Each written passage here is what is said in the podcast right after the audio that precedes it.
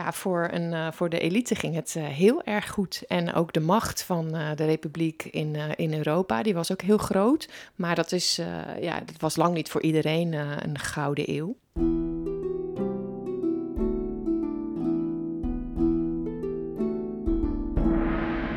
Welkom bij de podcast Geschiedenisgeven. Een tiendelige serie waarin we je meenemen naar de belangrijkste tijdperiodes uit de geschiedenis. En wij, dat zijn Willem Eekhoff en Merike Bozema. En wil je ons beter leren kennen? Luister dan naar de introductieaflevering. In deze zesde aflevering van de podcast hebben we het over de tijd van de regenten en vorsten. Merike, welkom. Dankjewel. Uh, in dit hoofdstuk gaan we het ook hebben over beroemde schilders. En vorige keer heb je ook al heel veel verteld en ik had wat tijd over. Dus ik ga, als je het goed vindt, jou in de tussentijd schilderen in de stijl van Rembrandt. Oh, Laat goed idee. het resultaat zien. Ja. Dus blijf maar zo mooi staan. En dan ga ik aan de slag. En dan is mijn eerste Misschien moet je iets aan het licht doen dan wel. Nee, een beetje... dat, oh. komt later, dat is mijn specialiteit. Oh. Het hoofdstuk heet Tijd van regenten en vorsten. We hebben het al eerder gehad over het feit dat de titel niet altijd de lading dekt. Goede titel? Nou, voor de basisschoolleerlingen denk ik eigenlijk niet zo. Voor middelbare uh, scholieren is het denk ik veel meer duidelijk. Want met de regenten wordt bedoeld de regenten die in de republiek gaan uh, regeren, wat een heel afwijkende staatsvorm uh, was, die Republiek der Zeven Verenigde Nederlanden. En internationaal gezien krijg je de opkomst van absolute vorsten. En nou ja, als je vooral bekijkt vanuit het perspectief van de Nederlandse geschiedenis, wat nou eenmaal gebruikelijk is nu op de basisschool, uh, dan uh, ja, hebben we vooral dus met die regenten te maken. Natuurlijk aan het begin van de 17e eeuw, hè, want daar gaan we het nu over hebben, van 1600 tot 1700, zijn we nog steeds in de periode van de Nederlandse opstand, ofwel de 80-jarige oorlog. En dan hebben we nog te maken met die Spaanse vorst. Maar er wordt eigenlijk meer bedoeld uh, die absolute vorsten, bijvoorbeeld, die in Frankrijk, dat is de bekendste, denk ik, okay. die opkomt. Wat ik in ieder geval zie, tenminste als ik dat hoofdstuk doorlees, dit was geen hele slechte tijd. Ik zie woorden als uh, uh, veel inkomsten, bloeiende economie, gouden eeuw. Ging het echt zo goed? Ja, voor, een, uh, voor de elite ging het heel erg goed. En ook de macht van de republiek in, in Europa, die was ook heel groot. Dus de politieke macht. Maar dat, is, ja, dat was lang niet voor iedereen een gouden eeuw en, die, en die naam trouwens, Gouden Eeuw, die is er ook pas later aan uh, gegeven. Maar nu jij ondertussen ook zo mooi zit te schilderen, hè, Gouden Eeuw voor de kunst zeker. Uh, en nog steeds overal ter wereld um, kun je de Dutch Masters uh, uit de 17e eeuw bewonderen. Dus nou, voor de kunst is het zeker ook een gouden eeuw geweest. Maar als je kijkt naar, als je denkt voorspoed voor iedereen, dat was niet het geval. Dus zoals zo vaak was het arme volk nog steeds gewoon arm en ging het geld weer naar degene die het daarvoor ook al hadden. En sterker nog, het volk eh, kreeg het op een gegeven moment zelfs slechter. Want doordat er economische voorspoed was, was er ook een enorme aanzuigende werking. Dus er kwamen allemaal arbeidsmigranten hierheen. Uh, dus werd, ja, er was ook veel werk, maar niet per se altijd voor iedereen. En, uh, en ook, het is ook nog eens zo dat de belastingen voortdurend omhoog gaan.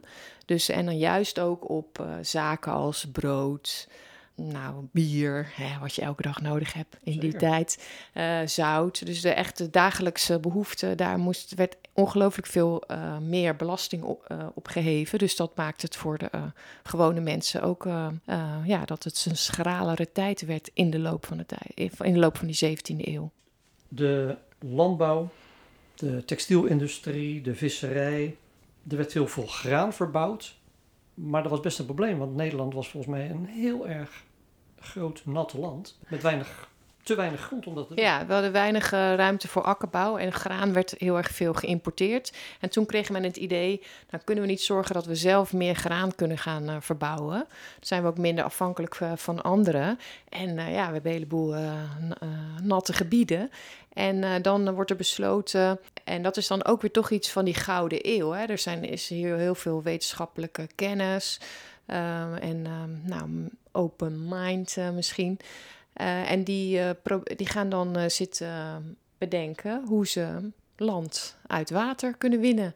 En dat is dus ook een kanon-item, namelijk de Beemster. En dat staat dan voor alle grote inpolderingen. De Beemster, de Wormer, de Schermer, die we allemaal moesten leren vroeger bij aardrijkskunde. -hmm. en iemand die daar altijd bij genoemd wordt, dat is uh, uh, meneer Leegwater. Ik, ja, ik las ergens dat er 61 straten naar hem zijn vernoemd. En uh, dat, hij meer, dat er meerdere standbeelden voor hem zijn opgericht. En wordt van alles aan hem toegeschreven. Dat hij al die, die molens die dat moesten zorgen voor dat inpolderen, dat hij die heeft ontworpen. Maar dat is eigenlijk veel te veel eer. En dat is allemaal Eigenlijk in de 19e eeuw is hij helemaal geïdealiseerd. Wat er grappig is, hij Jan Leegwater, hij heette eigenlijk Jan Adriaanszoon. Hè. Zijn vader heette Adriaan. Maar hij had zelf daar uh, leegwater van gemaakt, waarschijnlijk laagwater. Dus dat hij ging zorgen dat er overal laagwater kwam. Uh, en uh, hij hielp bijvoorbeeld ook bij het droogleggen van moerassen, ook in het buitenland. Maar hij um, begon eigenlijk met um, ja, faam te maken op de kermis. hij had namelijk een duikerklok ontworpen. dus waarmee hij dan ja, heel lang onder water kon blijven. Hij, hij demonstreerde dat op de kermis, maar ook in havens, ook Prins Maurits kwam daar bijvoorbeeld naar kijken. Dat kon natuurlijk ook uh, voor de oorlogvoering wel um, interessant zijn. Dus uh, nou ja, van kermsklant uh, werd hij dus um, opzichter bij van die inpolderingen. En hij ging daar ook over schrijven. Maar hij was dus eigenlijk vooral ja, een soort projectmanager van die inpolderingen. Maar hij was dus eigenlijk iets te veel eer dat hij dat allemaal echt helemaal op de tekentafel heeft ontworpen. Ik zag dat um, een, een, hele goed lopende tak was de textielnijverheid. Ja, ja, ik wil nog heel even iets zeggen mm -hmm. over die Gouden Eeuw. Want wat dan ook niet onbesproken mag blijven, of de niet zo gouden Gouden Eeuw voor een heleboel mensen, is ook de mensen in de koloniën van de Nederlanden. Dus uh, daar waar we uh, terechtkomen door de VOC en de WIC. Dus daar was het ook dramatisch voor de mensen in wat nu Indonesië is. Uh, allerlei gebieden in Afrika bijvoorbeeld. Hebben wij ons daar ook weer misdragen als uh, buitenlandse bezoekers, zeg maar? Ja, dan zeggen we nooit wij, hè? Oh, Ze. Die, die van vroeger. ja. Mijn overgrootopa, hè? was dat ook zo'n hele slechte... Nee, maar was het inderdaad ook weer zo dat wij dat uh, gingen ontdekken, bezoeken en vervolgens daar de baas gingen spelen? Ja, niet over per se over hele... Ja, eigenlijk ja, kort samengevat, ja. Die uh, textielnijverheid, dat was dus een, en ik zie ook dat uh, scheepsbouw, handelsvloten, dat dat heel erg sterk toeneemt. Ja, want uh, er, is, er is dus inderdaad heel veel werk. Dus uh, door die overzeese handel, nou sowieso uh, ging de handel heel veel over het water. Dus ook binnen, binnen Europa. En ja, er, er, is echt ongelooflijk veel werk wel. Dus inderdaad van, van scheepsplank tot, nou ja, wat moet je eten aan boord van zo'n schip. Dus de zeilen moeten gemaakt worden. Dus ook textielindustrie, hè? zeilmakerijen, dus van alles. Instrumentenmakers. Dus het, het, het er was ongelooflijk veel uh, werk. Ja, maar die, uh, visserij ook, hè? Die boten gingen op pad. En je had natuurlijk ook heel veel visserschepen, ja. begreep ik. Ja, in, in, Nederland werd toen nog, of wat nu Nederland is, hè, uh, heel erg veel vis gegeten. Nu hebben we nog steeds heel veel vissers, maar alleen Nederlanders eten zelf niet meer zo heel veel vis. Het gaat heel erg veel, tegenwoordig wordt dat geëxporteerd. Maar goed, dit terzijde. Uh, haring was het meest populair. Ik las ergens dat bijvoorbeeld zalm, dat werd een beetje als armeluisvoedsel gezien, hè? Dan Klopt. Alweer zalm. Nou, zalm is nu best chic uh, om te eten, maar um, destijds was het heel gewoon, volksvoedsel. En het is zelfs zo dat in de 19e eeuw krijg je op een gegeven moment uh, verordeningen dat het niet toegestaan is als je een dienstmeisje hebt om haar echt uh, meer dan drie keer in de week zalm te laten eten. Dat is echt armoedroef. Dus er moet ook wat fatsoenlijks op tafel komen. Die handel die zorgde voor hele rare uitwassen, begreep ik. Want ze gingen, ze gingen vissen, ze gingen veel spullen uit andere landen halen. En op een gegeven moment ontstond er een soort tulpengekte. Er ja. tulpen geïmporteerd, maar dat, dat, liep, dat liep tot krankzinnige hoogte op. Ja, dat was een, uh, zo'n, zo'n voorbeeld van waar speculatie uh, toe kan leiden. Ja, de tulp uh, die kwam uit Turkije, die werd hier geïntroduceerd door een ehm, hoogleraar in botanicus in Leiden. En hij wordt ook tulp genoemd. Hij komt dus oorspronkelijk uit Turkije, genoemd naar, ja, een Turk was herkenbaar aan een tulband. Dus het, de vorm van de bloem is een tulband. Okay. En uh, uh, nou, dat bleek heel makkelijk uh, te, te, te kweken te zijn. En dat je dan allemaal eh, mutaties uh, kreeg. Of ik, ik, weet niet, noem je dat zo bij een tulp? Nou ja, rode, gele, groene, zwarte tulp. dat is nog steeds niet gelukt, geloof ik. Maar in ieder geval met puntige bladeren, nou, noem het allemaal op. En dat vonden mensen prachtig en daar gingen ze ontzettend veel voor betalen. En op een gegeven moment wordt het ja, wordt het zo dol dat uh, is een, een, een tulp geweest. Hoe heet die ook alweer? Zo'n hele fraaie naam. De Semper Augustus. Juist, die. Die, ehm, ja, die, daar werd uh, voor, die, voor één bolletje werd 4600 gulden betaald. En, en dan, In die tijd, zo dan? Ja, en dan niet alleen dat, maar ook nog een, een span met paarden en een wagen erbij. Dus uh, voor die ene ruilen, voor die, voor die ene tulpenbol, ja.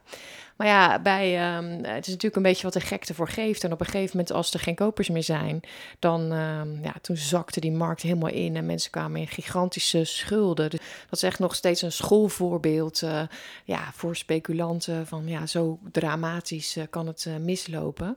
En ja, dat mensen ook helemaal elkaar gek kunnen maken met ja, opbieden, tegen elkaar opbieden, met veilingen. Dat is toch een, ja, dat heeft, neemt risico's met zich mee wat ik wel mooi vind aan die tijd van regenten en vorsten, wat ik in vorige hoofdstukken minder tegenkwam, is dat als je iets fout deed als arme bevolking, dan ging je gewoon gelijk uh, rat, geradbraakt of opgehangen in willekeurige volgorde.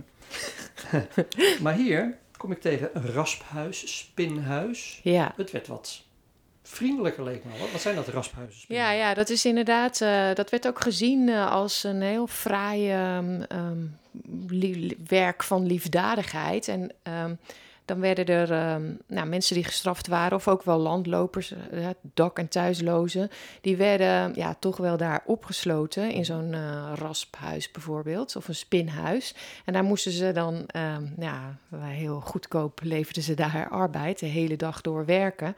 Maar tegelijkertijd uh, ja, was er rust en regelmaat en eten en dwaalden ze niet over de straten. Dus uh, werd geprobeerd om ze ja, een beetje te herop te voeden. Het was wel heel erg zwaar werk, dat uh, spinnen. Hè. Dus uh, vrouwen zaten dan hele dagen echt aan het spinnenwiel. En dat raspen, dat was heel zwaar um, hard, um, tropisch hardhout. En dat moest dan moest geraspt worden. Dus het was echt wel een beetje nou ja, slavenarbeid, zeg maar. Maar goed, uh, dat was dan wel voor een bepaalde periode. Dus bijvoorbeeld, je kreeg als straf twee jaar uh, tuchthuis. Of hoe heet dat, rasphuis. Nee. En het is, lijkt wel een beetje op ons systeem van gevangenis wat we nu hebben. Hè. Dat is een 19e eeuwse uitvinding. Maar daarvoor werd dat nooit zo gedaan. Dus dat klopt. Ja. Dus uh, in, in onze ogen nu is dat uitbuiting. Maar in die tijd werd het wel gezien als, nou, toch ook misschien kreeg je een kans. En ja, je had wel te eten, ook in ieder geval. Een, een groot deel van, dit, uh, van deze tijd, daarin speelde de VOC een belangrijke rol. Kun je... Ja, het is ook een van de canon-items, hè, de VOC. Hmm. Um, en ik weet niet of je gezien hebt, uh, Willem, maar er zijn uh, ongelooflijk veel canon-items in dit uh, hoofdstuk. Dus elf in totaal. Oh, okay. Voor dit ene hoofdstuk, hè? dus die periode van regenten en vorsten, elf canon-items. Nou, een daarvan is inderdaad de VOC, mm -hmm. um, opgericht in 1602.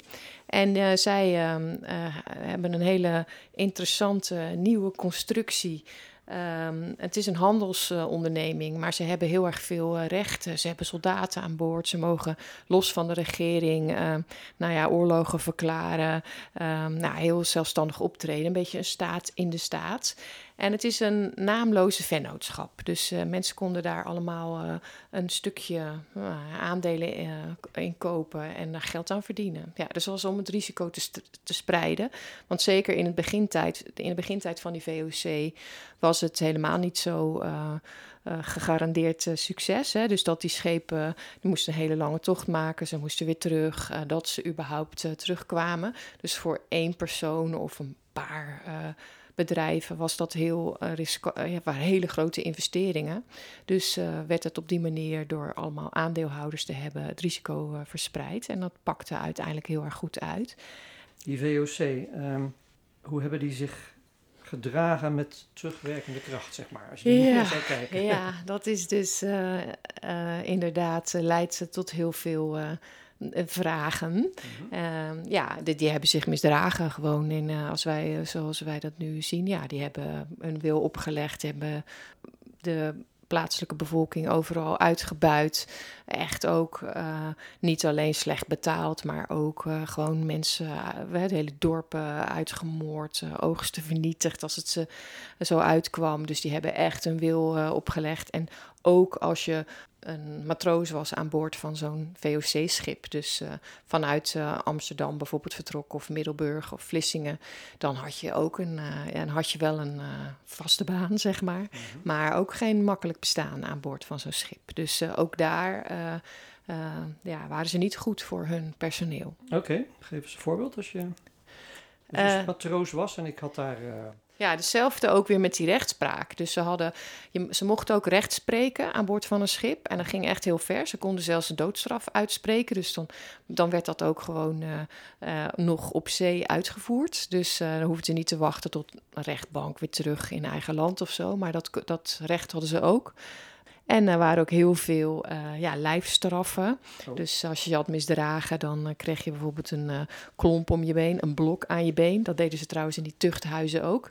En dan kon je dus, en dan moest je bijvoorbeeld met hele harde wind het dek gaan schrobben met zo'n enorme klomp aan je been. En dan viel je natuurlijk. En, dan, en dat was dan nog een milde straf. Dus je kon aan, het, aan de mast vastgezet worden. En nou, dat is volgens mij een voorbeeld wat jij in de introductie. Ja ja, dat had ik um, gehoord. Ja. Werd dan met, met, met een mes, uh, die moest zijn hand tegen de mast houden. En dan werd daar een mes doorheen gestoken en dan mocht hij zichzelf bevrijden als hij zover was. Ja. Dus dan ja. moest je jezelf uh, uit dat mes trekken. Ja, lostrekken. Ja. Uh, kiel halen? Ja, ook. Wat was dat? Die werd onder de kiel doorgetrokken met een touw. Mm. Dus uh, uh, vanaf uh, hoog in de mast moest je naar beneden springen. Je zat dus met een touw vast en dan was een touw onder het schip doorgetrokken. Mm. En dan ja, moest je dus hopen dat ze hard genoeg trokken en dat je niet verzopen was of onderaan die kiel van het schip bleef steken. Dus dat was ook een ja, pittige straf. En die kiel zat vol met allerlei aanslag met schelpen en zo. Ja. Dus je werd een soort raspige ja, trouwens. Wie was dan die eerste die dat touw onder die kiel doortrok? Ja, dan kan je ook vanaf de punt zo naar beneden trekken. Hè? Goed over. okay. maar goed, uh, dat is wel. Uh, dat tegelijkertijd was dat ook wel een spanning en sensatie. Dus kiel halen was dan wat. Werd, dat werd dan vaak gedaan, een beetje nog in de, in de haven. Of er gingen een paar schepen bij elkaar liggen. En dat, zodat iedereen dat kon zien. En tegelijkertijd was dat ook wel een beetje een soort uh, bungee jump. Was ook wel stoer als je wel een keer was kiel. Ja, dus dat was ook nog wel een beetje macho cultuurtje. Maar ja, um, het, het waren ook uh, verschrikkelijke straffen. Dat je, nou ja, inderdaad uh, um, zweepslagen kreeg, uh, dat soort vastgebonden werd. Uh, en uh, ja, dan die, die wonden die genazen ook vaak helemaal niet. Dus het mm -hmm. kon ook het begin van het einde zijn als dat ging ontsteken. Mm -hmm. En sowieso, er was uh, heel slecht eten. Um, me, ja, mensen waren ook helemaal, ze konden, de meesten konden natuurlijk ook helemaal niet zwemmen. Dus als je overboord ging, was ook nog eens gevaarlijk. Oh. Dus dat was ook allemaal best wel spannend. En het was gewoon ontzettend afzien. Die reizen duurden lang.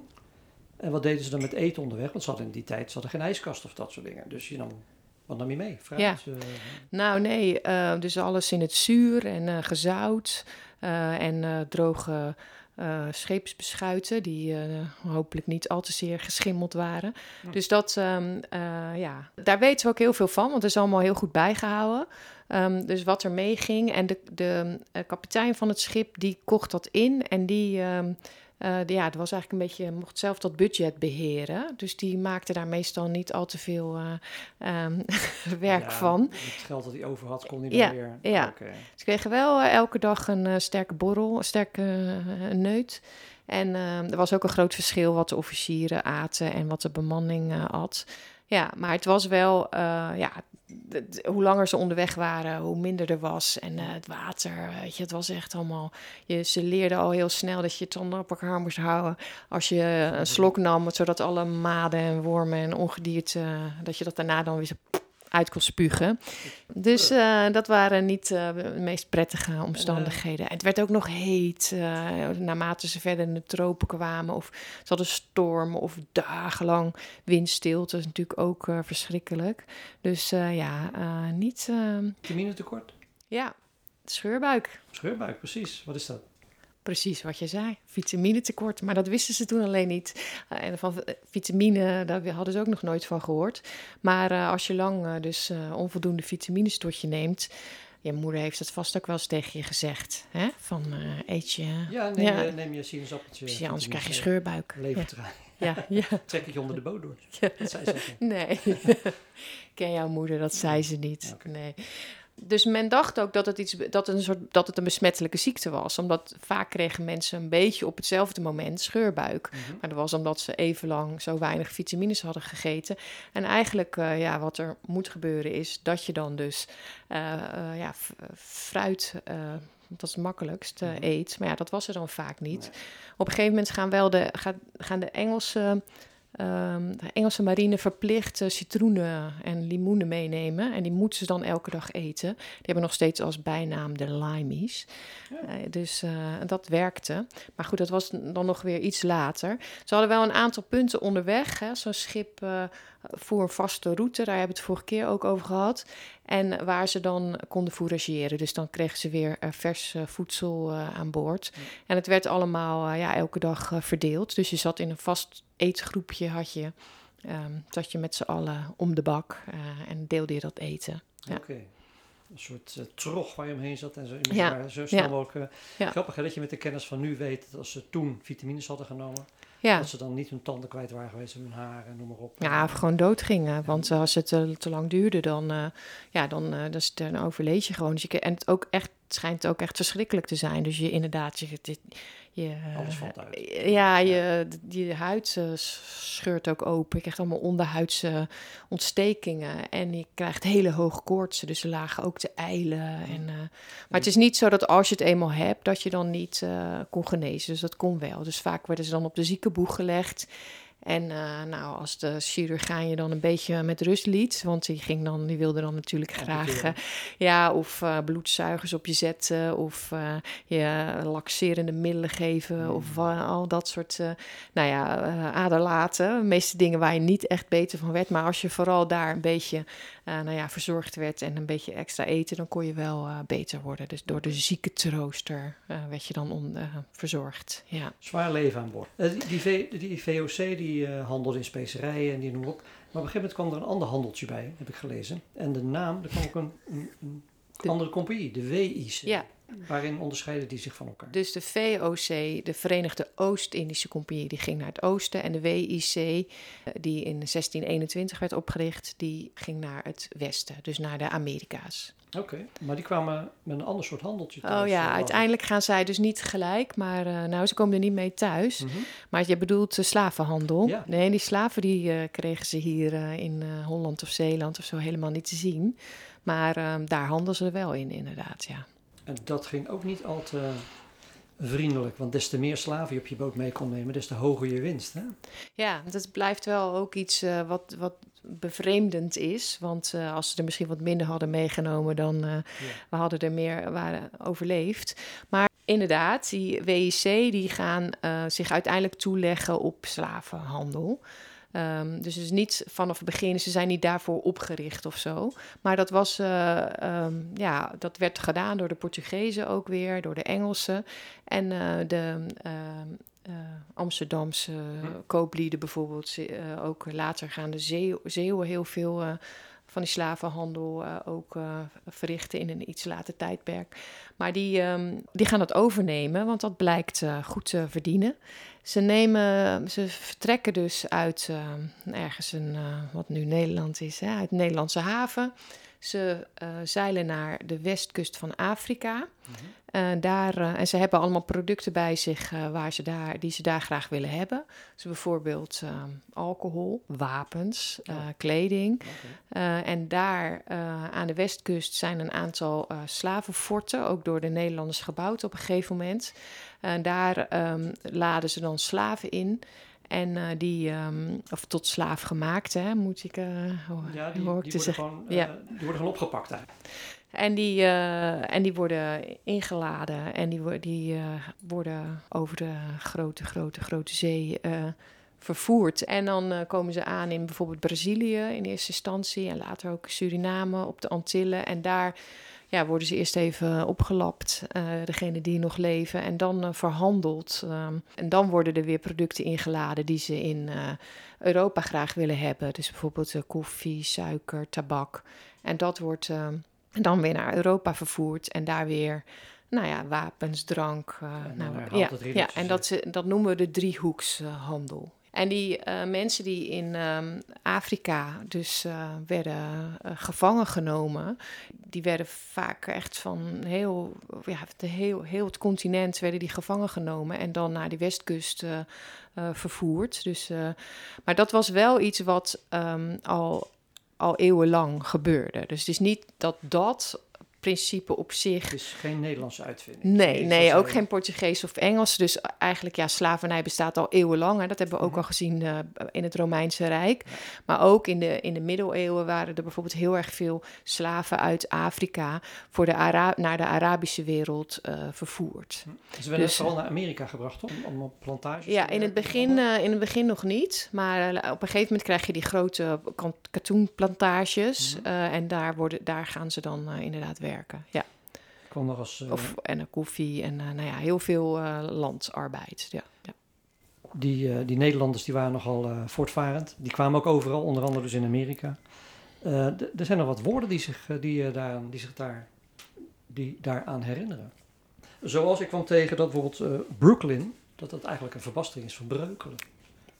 Nog meer woorden? Die Ja, in, alleen al in New York eh, kan, je, kan je daar inderdaad een aantal van vinden. Dus Wall Street, De Walstraat. ja, eh, Harlem, Haarlem. Ja. En ik kom nog tegen, eens even kijken, Flushing. Vlu- Vlissingen. Vlissingen, nou, Ja, ja. als je erheen gaat. En, En, en eh, het is ook altijd eh, intrigerend om te weten dat eh, New York dus eigenlijk eerst van de Nederlanders was. Hè? Of, het heette Nieuw Amsterdam. En we hadden het voor 60 gulden weten te kopen van Indianen. Uiteindelijk kunnen we het niet voldoende ver- verdedigen en ruilen we het ehm, met de Engelsen voor Suriname. Dus zij krijgen Nieuw Amsterdam en dat noemen zij dan eh, New York. New York. Ja, ja, ja. En dan eh, eh, krijgen wij Suriname. Als gevolg van het verdrag van Breda was dat in 1667. Goed, als je nog ietsje meer naar het licht wil draaien, dan weet ik zeker dat het schilderij mooi wordt. Laten we het eens hebben over de sociale veranderingen. Want er is nogal wat aan de hand in deze tijd van regenten en vorsten. Kun je het toelichten? Nou, de situatie in eh, wat nu Nederland is, is een beetje atypisch. Want we hebben heel weinig adel. Als je het vergelijkt met eh, andere landen om ons heen. En ehm, er is een, hele kleine groep adel. En die hebben nog wel invloed. Dus eh, dat zien we terug. De stadhouder, dat blijven Oranjes. Hè. Na de dood van Willem van Oranje wordt dat eerst Maurits en daarna Frederik Hendrik. En we hebben een ehm, hele belangrijke, machtige stedelijke elite. Dus de rijke burgers, die nu ook in die nieuwe republiek invloed hebben gekregen. Dus waar de eh, raadspensionaris of landsadvocaat dan de exponent van is. En eh, verder hebben we veel burgers, burgerij. En die worden dan traditioneel eh, ingedeeld in de brede en de smalle burgerij. En de brede, dat zijn dan degenen die eh, of een goede maatschappelijke positie hebben, maar niet per se heel veel verdienen. Dus eh, bijvoorbeeld eh, hoogleraren. En de burgers, ja, de, de handelslieden. en de smalle burgerij, dat zijn echt de kleine middel- middenstanders. En dan een hele grote groep van het gewone volk, die ook wel het grauw worden genoemd. Het grauw vanwege? Grauwe volk, grauwe kleding, Ja, ja. Grauwe staan. Niet, niet zoals jij mij nu aan het schilderen bent. Nee, nee, nee, dat is kleurrijk. Ja, maar ja. het is gewoon echt grijs, grauw, eh, Ja. een beetje troosteloos. plets. Ik lees ook wel trouwens dat het ook wel een tolerant klimaat was, bijvoorbeeld qua godsdienst. Ehm, het, is, het is wel zo dat eh, de republiek een Calvinistisch land is geworden. Hè? Dus de protestantse leer is de staatsgodsdienst. Maar katholieken en bijvoorbeeld ook joden kunnen wel hun geloof uitoefenen. En die kunnen ook bijvoorbeeld wel posities krijgen in eh, nou, stadsbestuur bijvoorbeeld. Alleen ze mogen het niet, vooral de katholieken, mogen het niet heel openlijk hun geloof uitoefenen. Oké, geen kerk dus bijvoorbeeld. Nee, ja, ze hebben wel kerken, maar die zijn ehm, niet goed zichtbaar. Dus zogenaamde schuilkerken. Oh. Dus bijvoorbeeld eh, ja, in, gewoon in een, in een huis. En de bekendste is er eentje die op een zolder is gemaakt in Amsterdam met de prachtige naam Onze Lieve Heer op Zolder. Dat is Oh. tegenwoordig een museum, kun je bezoeken. Mhm. Op de Amsterdamse Wallen is het te vinden.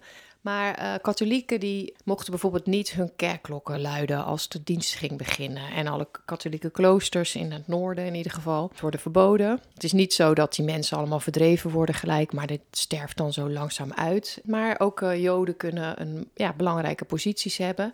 En een van de canon-items, eh, Baruch Spinoza, is ook een Joods filosoof, zullen we maar zeggen. Komt Spinoza nog zo meteen terug? Ja, want ja, de canon-items, hè. Ja, precies. Ja. En hij is een belangrijk man. En wel leuk om te lezen dat ze nu eens een keer niet elkaar om godsdienst eh, gelijk eh, afslachten. Want dat het iets toleranter was. Maar je moest het dus nog wel eh, op een geheime plek moest je dat.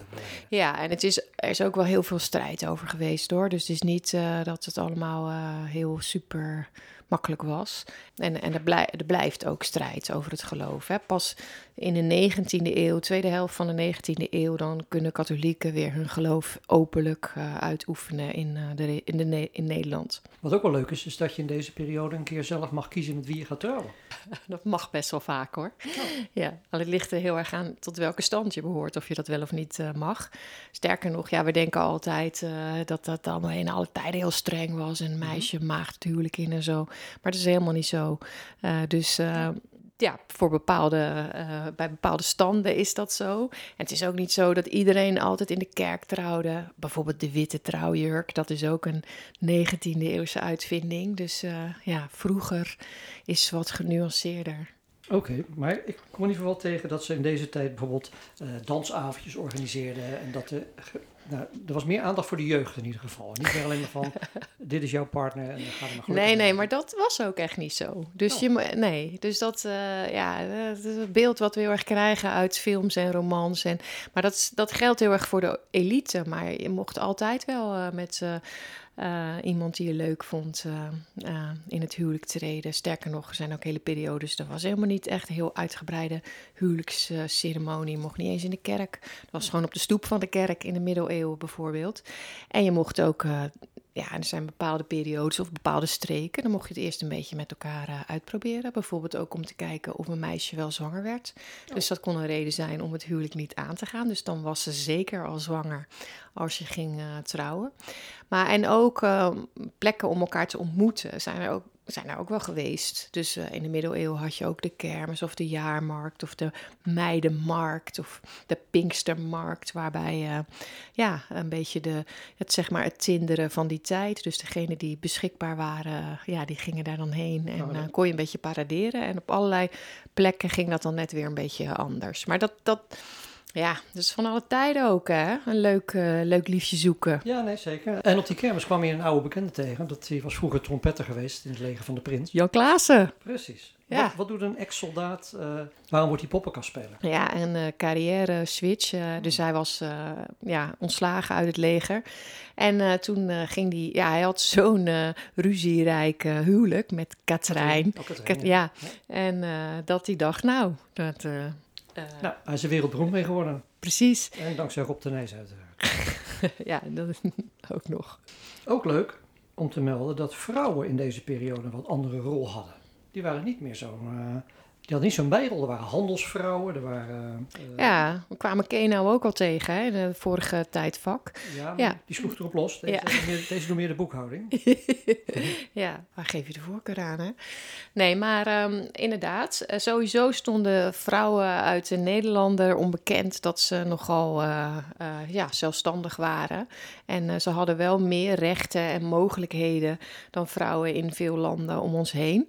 Maar ja, als je het vergelijkt met onze tijd, stelt het natuurlijk nog niet zoveel voor. Maar ze hadden wel ook mogelijkheden om bijvoorbeeld uh, over eigen um, een deel van hun van, um, eigen geld te beschikken, als dat er was. Hè.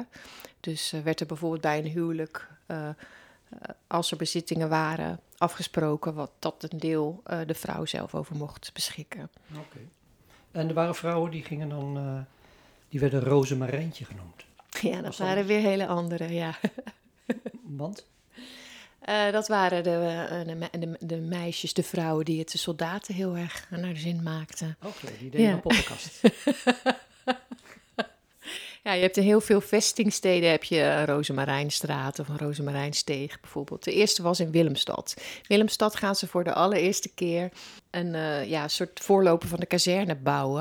Want het was altijd zo. Dus het is nog steeds, daar hebben we het nu nog helemaal niet over gehad, maar er is nog steeds een oorlog uh, gaande. We zijn in opstand tegen de Spanjaarden.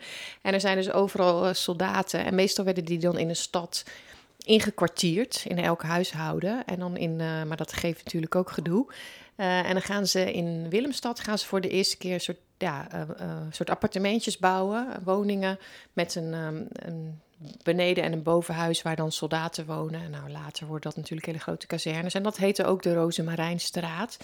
Het komt eigenlijk vaak als soldaten werden binnengehaald in de stad. Dus als er, nou, hoop ik dan maar, een overwinning te vieren was, dan werden ze ook verwelkomd door de bevolking. En dan werden er takjes rozemarijn uh, daar mm, vastgehouden. En uh, nou ja, en sommige meisjes die verwenden ze dan daarna ook nog wat. De bijnaam, de bijnaam ja. rozemarijntjes. Ja. Leuk. Dus alle rozemarijntjes die nu luisteren. Succes met je werk. nee, oh, uh, weet je waar je naam vandaan komt. Oh ja, precies. jij zei vorige keer net al dat die 80-jarige oorlog is aan de gang, maar daar, daar heb je niet overal last van. Niet overal vinden die veldslagen plaats. Er is ook nog een bestand geweest, een 12-jarig bestand. Ja. Waarom hebben ze op een gegeven moment daar even een rustpauze in gebracht dan? Omdat uh, oorlog is, uh, ja, zeker voor een handelsland, uh, over het algemeen heel ongunstig. Behalve als je wapenhandelaar bent. Maar um, ja, dus Johan van Oldenbarneveld, de raadspensionaris, die had een, een bestand onderhandeld. Dus het kwam de Spanjaarden zelf ook heel goed uit. En twaalf jaar wordt er gestopt met oorlog voeren. En Maurits, die was de stadhouder de zoon van Willem van Oranje. En die, was, ehm, die had de functie van legerleider. Dus dat was de taak van de stadhouder. Uh, en die, ja, die had dus twaalf jaar lang uh, niks te doen en ook niet zoveel invloed. Dus die vond dat een minder goed idee. En die vond ook dat Johan van Oldenbarneveld dat ja, een beetje buiten hem om had besloten. En er speelde al een, um, een sluimerend conflict tussen die twee. Dus waar Johan van Oldenbarneveld eerste leermeester was van Maurits uh, ja, werd hij steeds zelfstandiger. En ja, daar, daar, kwam, daar kwam ellende van. Een beetje vader-zoon. En uh, de zoon wilde ook wel uh, een beetje zijn vleugels zelf uitslaan. Maar in ieder geval, tijdens ehm, dat twaalfjarig bestand... Ja, dan hebben ze ook tijd om die ruzie uit te vechten. En er is ook wel een aanleiding voor. Dus bijvoorbeeld, alleen al dat hij dat bestand had geregeld, die van Oldenbarneveld... En uh, ja, Maurits uh, die misbruikt dan eigenlijk zijn macht als, omdat hij ook behalve legerleider ook degene is die toeziet op rechtshandhaving. En hij laat Johan van Oldenbarneveld dan beschuldigen, hij beschuldigt Johan van Oldenbarneveld voor landverraad en hij wordt opgepakt. Hij laat nog meer mensen dan arresteren. Bijvoorbeeld ook Hugo de Groot, dat is een van de canon-items. Maar laat ik eerst even Johan eh, van Oldenbarneveld uh, verder uh, bespreken. Uh -huh. hij wordt dus gearresteerd en na een hele korte rechtszaak wordt die man, die dus de nou ja, grondlegger is van de VOC, die Maurits ook die kans heeft gegeven, die heeft ervoor gezorgd dat hij die positie kreeg van stadhouder. Maar die wordt dan in 1619, dus nog tijdens het twaalfjarig bestand, onthoofd op de, in Den Haag. Ja, en, en ja, hij is uh, zeventiger. En hij, uh, ja, hij wordt... jaren heeft hij eigenlijk zijn best gedaan. Hè? En nu, als je het nu hebt over Johan van Oldenbarneveld, dan is dat een beroemd persoon die goed werk heeft gedaan. Ja. En in, in die periode is hij daarvoor Nee, nee, hij werd ook een tijd... Uh, uh, ja, werd er ook alleen maar kwaad over, over, hem gesproken. Dus er werd geprobeerd ook om hem uh, dat ja, zo in de geschiedenis neer te zetten. Maar uiteindelijk is dat niet gelukt en is die uh, nou ja, gerehabiliteerd. En uh, is, uh, ja, ze heten ook scholen naar Johan van Oldenbarneveld. En ja, dus hij, ja. Belangrijk man. Je noemde net de naam Hugo de Groot, ook een beroemde historische figuur. Waarom? Ja, ook een canon-item. Ja, waarom kennen we Hugo de Groot allemaal? Kennen hem vooral door wat hij geschreven heeft over ehm, oorlogsrecht. Uh, maar hij, is, uh, hij was stadspensionaris, dus hij was ook zo'n vertegenwoordiger van de stedelijke elite. En hij stond aan dezelfde kant als Johan van Oldenbarneveld. Hij wordt opgesloten in uh, slot Loevestein. En zijn familie ook. Dus het was wel een beetje een soort chic uh, opsluiting. Um, dus je moet niet denken aan een uh, soort vergeetput of zo. Dus hij kon daar wel ook werken. En hij kreeg daarom elke, nou, om de zoveel tijd kreeg hij een grote kist met boeken, werd hem uh, gebracht. En dan kon hij weer verder studeren en schrijven. Toen kwam zijn vrouw op het idee van, joh, kun je niet in die boekenkist, als je die weer teruggeeft, zelf in gaan zitten. En dat uh, bekokstoven ze dan, want hij wordt daar doodongelukkig in dat uh, kasteel. En uh, de keer dat de kist weer wordt opgehaald, uh, gaat hij er zelf in. Een van hun bedienden gaat mee. Dus zij gaat naast, het, naast die kist zitten in, in de boot om ervoor te zorgen dat nou ja, dat ze hem informatie kan geven indien nodig. En dan wordt hij in, uh, komt hij aan in Gorkum, die kist. En daar uh, uh, wordt die kist nou ja, afge afgeleverd en stapt hij eruit. verkleedt hij zich als een beetje armoedige metselaar en vlucht hij het land uit. En uiteindelijk vestigt hij zich in in Parijs. Dus die, de boekenkist van Hugo de Groot, waarvan meerdere musea claimen dat ze hem hebben, uh, die, uh, ja, dat uh, heeft, maakt hem natuurlijk bekend. Maar ook dus voor alles wat hij daarna is gaan publiceren, maakt hem belangrijk. Hij is nooit meer teruggekomen naar de Republiek. Op een gegeven moment kon dat wel, maar hij wilde ook niet meer hier terug. Die 80-jarige oorlog, die was op een gegeven moment was die afgelopen. En dat is besproken en dat heet de Vrede van Münster. Ja. Wat gebeurde er? Het is natuurlijk niet zo dat er sinds 1600 niks meer gebeurd uh, is. Dus uh, toen hadden we de slag bij Nieuwpoort. Dat was ook al een reden voor conflict tussen die Maurits en uh, Oldenbarneveld. Ze hadden ook nog conflict over het geloof. Hè. Dat blijft ook altijd een rol uh, spelen. Ze zijn wel allebei protestant, maar allebei, uh, nou, de ene noemen we dan rekkelijk en de andere precies. Dus ook zo'n begrip uit de geschiedenis. Maar ik denk dat we daar verder niet te veel op in moeten gaan. Dus tussen 1600 en 1648, als uiteindelijk die vrede komt, is, zijn er nog flink wat veldslagen geweest en belegeringen van steden. Bijvoorbeeld bijvoorbeeld Breda, uh, Maastricht. Dus als uh, Maurits, die is op een gegeven moment natuurlijk toch ook overleden. En zijn broer, dus de allerjongste zoon van Willem van Oranje, volgt hem dan op, Frederik Hendrik. En die, nou, die weet wel ook een aantal goede veroveringen te doen van met name steden. Ze noemen hem ook wel de stedendwinger. En hij, net als zijn broer Maurits, zorgt dat hij uh, nou ja, de klassieken kent, zijn soldaten traint. Uh, hij besluit bijvoorbeeld ook om te proberen moerassen rond steden zoals Sertogenbos droog te leggen. Dus hij, ja, best wel inventieve manier van uh, oorlog voeren. En uiteindelijk, um, nou, na veel onderhandelingen, dan besluiten ze dus in 1648 dat het mooi geweest is. En eigenlijk vanaf zo'n beetje het jaar 1600 functioneerde de republiek al wel als een zelfstandige staat. Alleen vanaf nu krijgen ze ook echt internationale erkenning. De grenzen worden uh, bepaald en de, uh, de Spanjaarden gaan ermee akkoord. Daar komt het eigenlijk op neer. Ik kom uh, Johan de Wit tegen als belangrijke naam vlak na die eh, vrede van Münster. hij, wordt, hij is een, een volgende raadspensionaris. Uh, dus uh, net zoals Johan van Oldenbarneveld uh, dat was. En hij is ja, de geschiedenis ingegaan. Ik denk toch wel waarschijnlijk. Hij was een, echt een kundig raadspensionaris, maar ook omdat hij op een dramatische manier aan zijn einde is gekomen.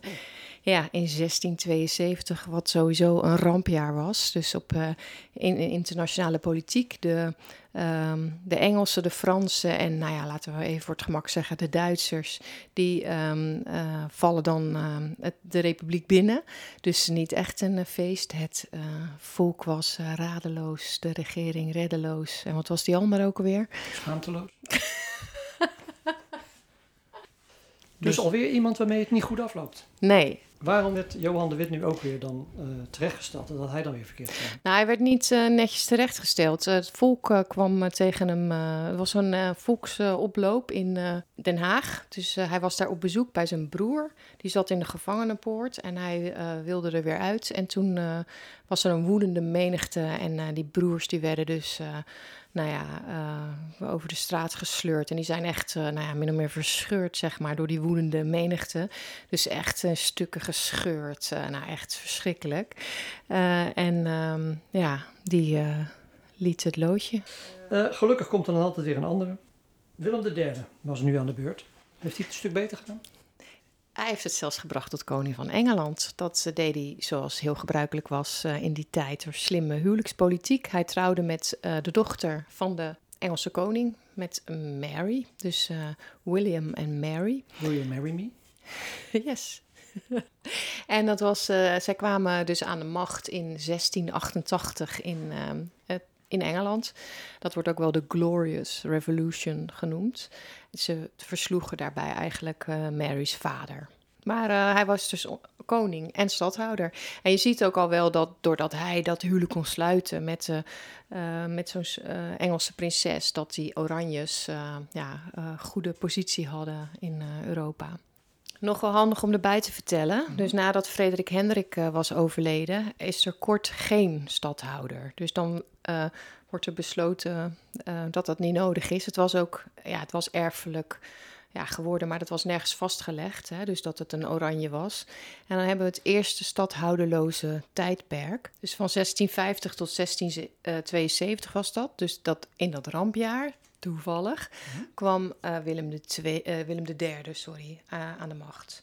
Dus hij wordt dan eh, de nieuwe stadhouder. En dat blijft hij tot 1702. En dan is er weer een kort eh, stadhouderloos tijdperk. Laten we eens kijken naar een onderdeel waarbij hopelijk wat minder mensen eh, doodgaan. Schilderkunst en wetenschap. Ja, Want dat maakt een enorme bloei door. Ik ben niet voor niks met het schilderen begonnen en ik moet zeggen, het is bijna klaar. ben Eh, benieuwd. Als we denken naar schilderkunst, welke namen moet ik dan eh, voor me zien? Nou, het kanon-item Rembrandt. Maar het staat dus inderdaad voor schilderkunst in de 17e eeuw. Dus Mhm. ook Frans Hals, eh, Johannes Vermeer. Nou, dat zijn wel hele bekende. Jij vertelde in een eerdere podcast dat schilders ook wel gezien werden als gewoon mensen die een- plaatje maakten. Hè? Ja, een ambachtsman, dat is gewoon eh, zoals je een eh, timmerman had, had je ook een eh, schilder. Maar nu wordt het echt, zijn het ondertussen wel echt kunstenaars geworden, die goed betaald zijn. En ja, mensen willen graag hun portret door bijvoorbeeld Frans Hals of door Rembrandt laten schilderen. Ja, het is een eh, statussymbool ook. En zo iemand als Rembrandt, die had ook zelf een ehm, kunsthandel. Dus die handelde ook in kunst van eh, anderen. En hij had ook een eh, school, dus hij leidde ook allemaal andere schilders op. En wat er zo bijzonder aan is, is dat de voorstellingen veranderen. Dus tot het protestantisme komt, zijn er, worden allemaal heiligen afgebeeld en bijbelverhalen en allemaal zeg maar een beetje dezelfde manier. En nu eh, worden er veel, er worden nog steeds wel bijbelverhalen afgebeeld in die, door die 17e eeuwse schilders. Maar ook veel meer gewoon burgers die zich laten portretteren. Dus die rijken, die, eh, nou ja, wat wij nu naar de, hè, Mhm. de foto eh, gaan.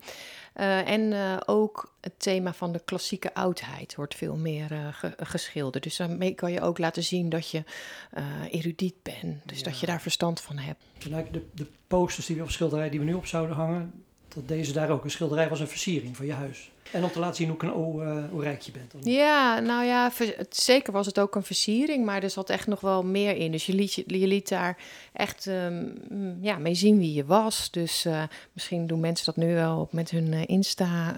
Ja, nou, een beetje Ja. hetzelfde. Ja, maar ehm, bijvoorbeeld er, zaten al, er zat allerlei symboliek in. Dus eh, ehm, dat je, wat de Jan Steen, die heb ik net niet genoemd, hè, maar die, heel veel van die schilderijen hadden een morele betekenis. Dus zo, ja, dan werd er dus een heel chaotisch huishouden eh, geschilderd om te laten zien dat het zo niet hoorde.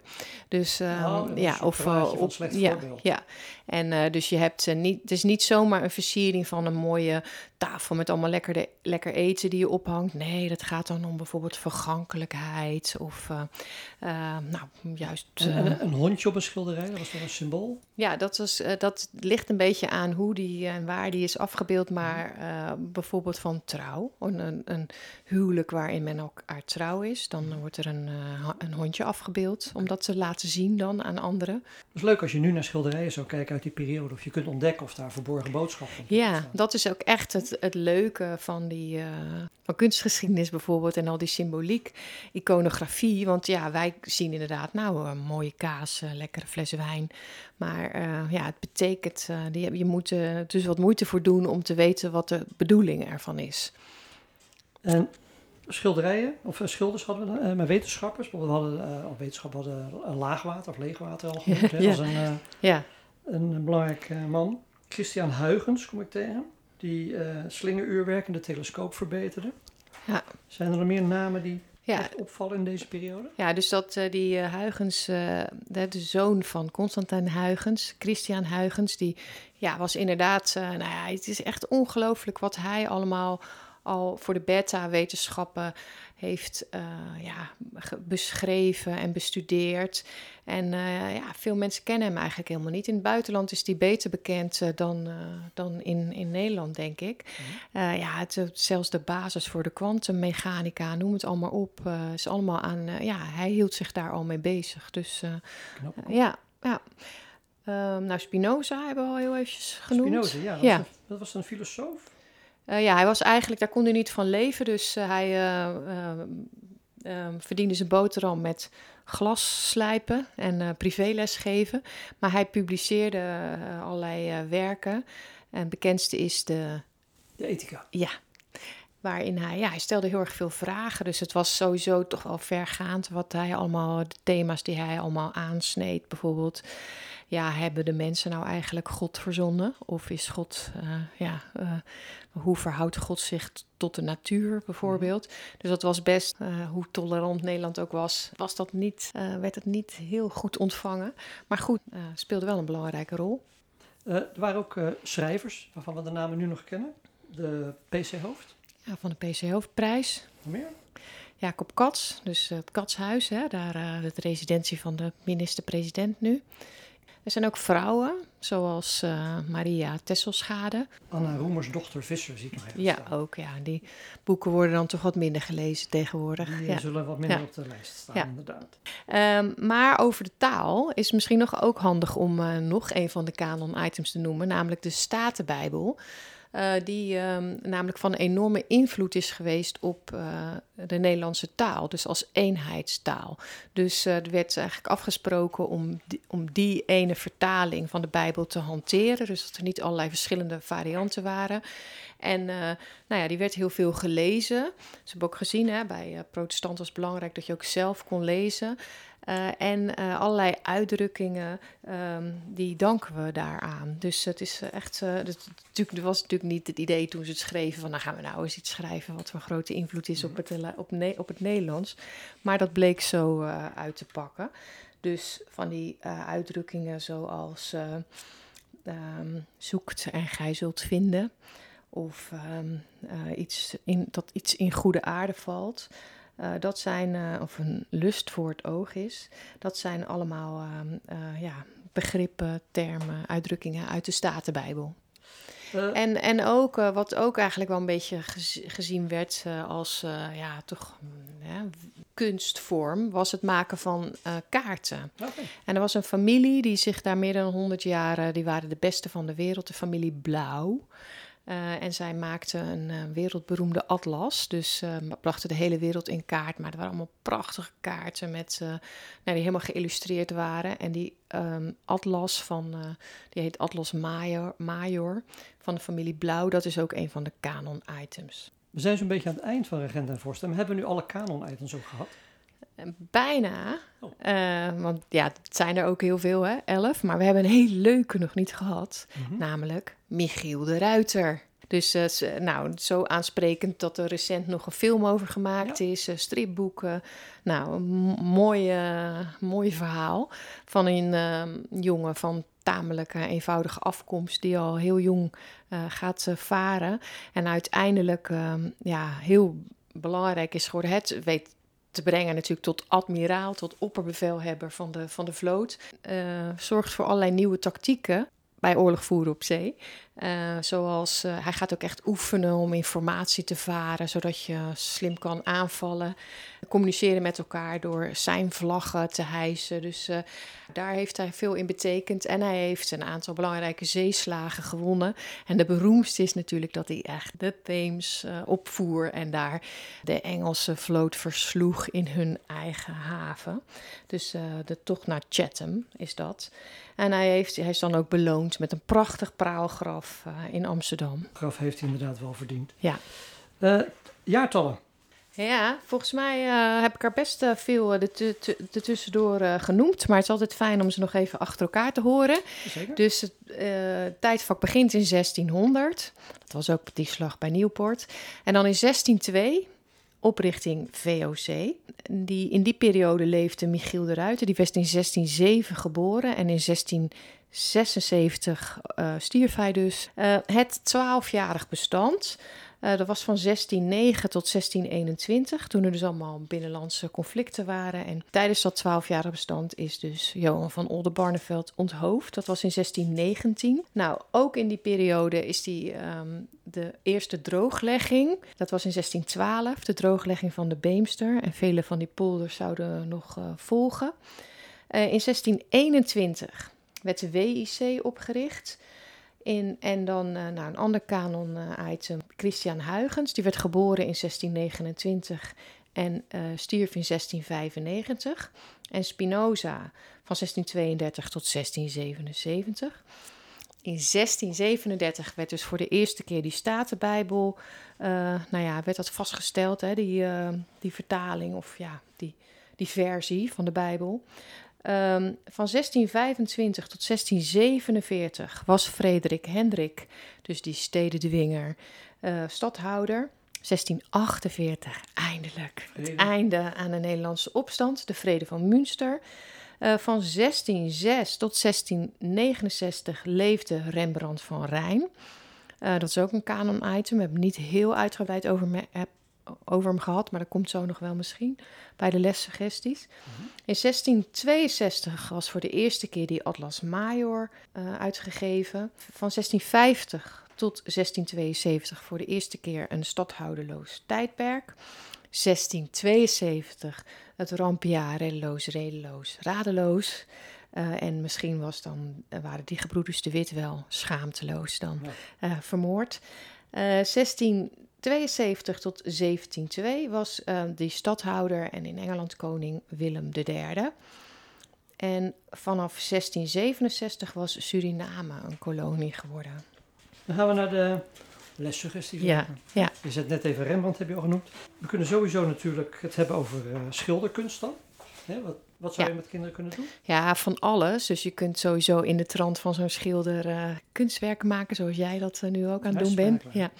Levensverhalen van die kunstenaars zijn natuurlijk eh, heel mooi. Je kunt ehm, ook met fotografie, nou ja, zo'n schilderij in scène zetten. En over, ja, bijvoorbeeld Rembrandt zijn er ook prachtige verhalen te vertellen. Zijn beroemdste schilderij is natuurlijk De Nachtwacht. En alleen al daarover, nou ja, kun je een hele les eh, geven, zo niet meer. Dus het, het is een aantal keer beschadigd. Het, eh, de Nachtwacht. De Nachtwacht was oorspronkelijk groter. Dus het is gewoon een stuk, eh, stukken zijn er afgesneden. Aan alle kanten een beetje en aan de linkerkant het meest. Het is in de Tweede Wereldoorlog verborgen in de Mergelgrotten in Limburg. Dus ehm, ja, en wie staan er nou eigenlijk op en waarom is het nou zo'n afwijkend schilderij? Dus waar we het net al over hadden, er werden eh, allerlei portretten gemaakt, maar ook veel groepsportretten en veel gildes. Die lieten elkaar dan graag eh, nou ja, met elkaar eh, portretteren, maar er waren vaak tamelijk strakke rijtjes. En eh, ook de schuttersgildes, die lieten zich vaak portretteren. En dan met hun wapens. En dan stonden ze gewoon allemaal vrij netjes in het gelid.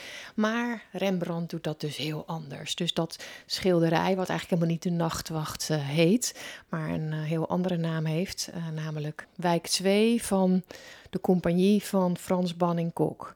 Dus eh, het heeft pas eh, later is het de nachtwacht genoemd, omdat het gewoon heel. eh, er zat een dikke laag vernis over. En het was gewoon niet meer zo'n. had niet meer van die felle kleuren. Maar ehm, ja, hij, hij maakte er gewoon een heel levendige, heel andere voorstelling van. Dus eh, met een meisje erop en een hondje. En terwijl, eh, als je goed kijkt, dan zie je dat er ook een geweer afgaat op het schilderij. Dus eh, nou, er zijn ontzettend veel hele mooie verhalen te vertellen over de nachtwacht. En ja, eigenlijk moeten alle kinderen van Nederland natuurlijk sowieso een keer naar het Rijksmuseum. En daar zijn ook subsidies voor trouwens. Dus dan kun je met de bus met de hele klas gratis naar het Rijksmuseum. Tip. Dus schilderkunst. eh, ook die wetenschap natuurlijk. Hè? Misschien zelf eens een keer een telescoop bouwen of uh, iets Ja. droogleggen. ja, dat- Ja, de zandtafel. Ja, Ja, zeker. Nou ja, de leegpompen, absoluut. Dus al die wetenschappelijke uitvindingen, eh, ja, absoluut. Dat is heel eh, ja, een mooie combinatie met wetenschap en technologie. Hè. Tegenwoordig ook een verplicht vak op de basisschool. Eh, biologie, het belang van vitamines, dat soort dingen. Je kunt ook onderzoeken inderdaad hoe, je, hoe kun je vo- voedsel conserveren. Dus inderdaad, je moet heel lang met elkaar... er waren geen koelkasten aan boord van een schip. Je moet heel lang met elkaar aan boord van een schip eh, eten. En er waren geen koelkasten, er waren geen eh, conserveblikken. Wat eet je dan? En dan kun je bijvoorbeeld...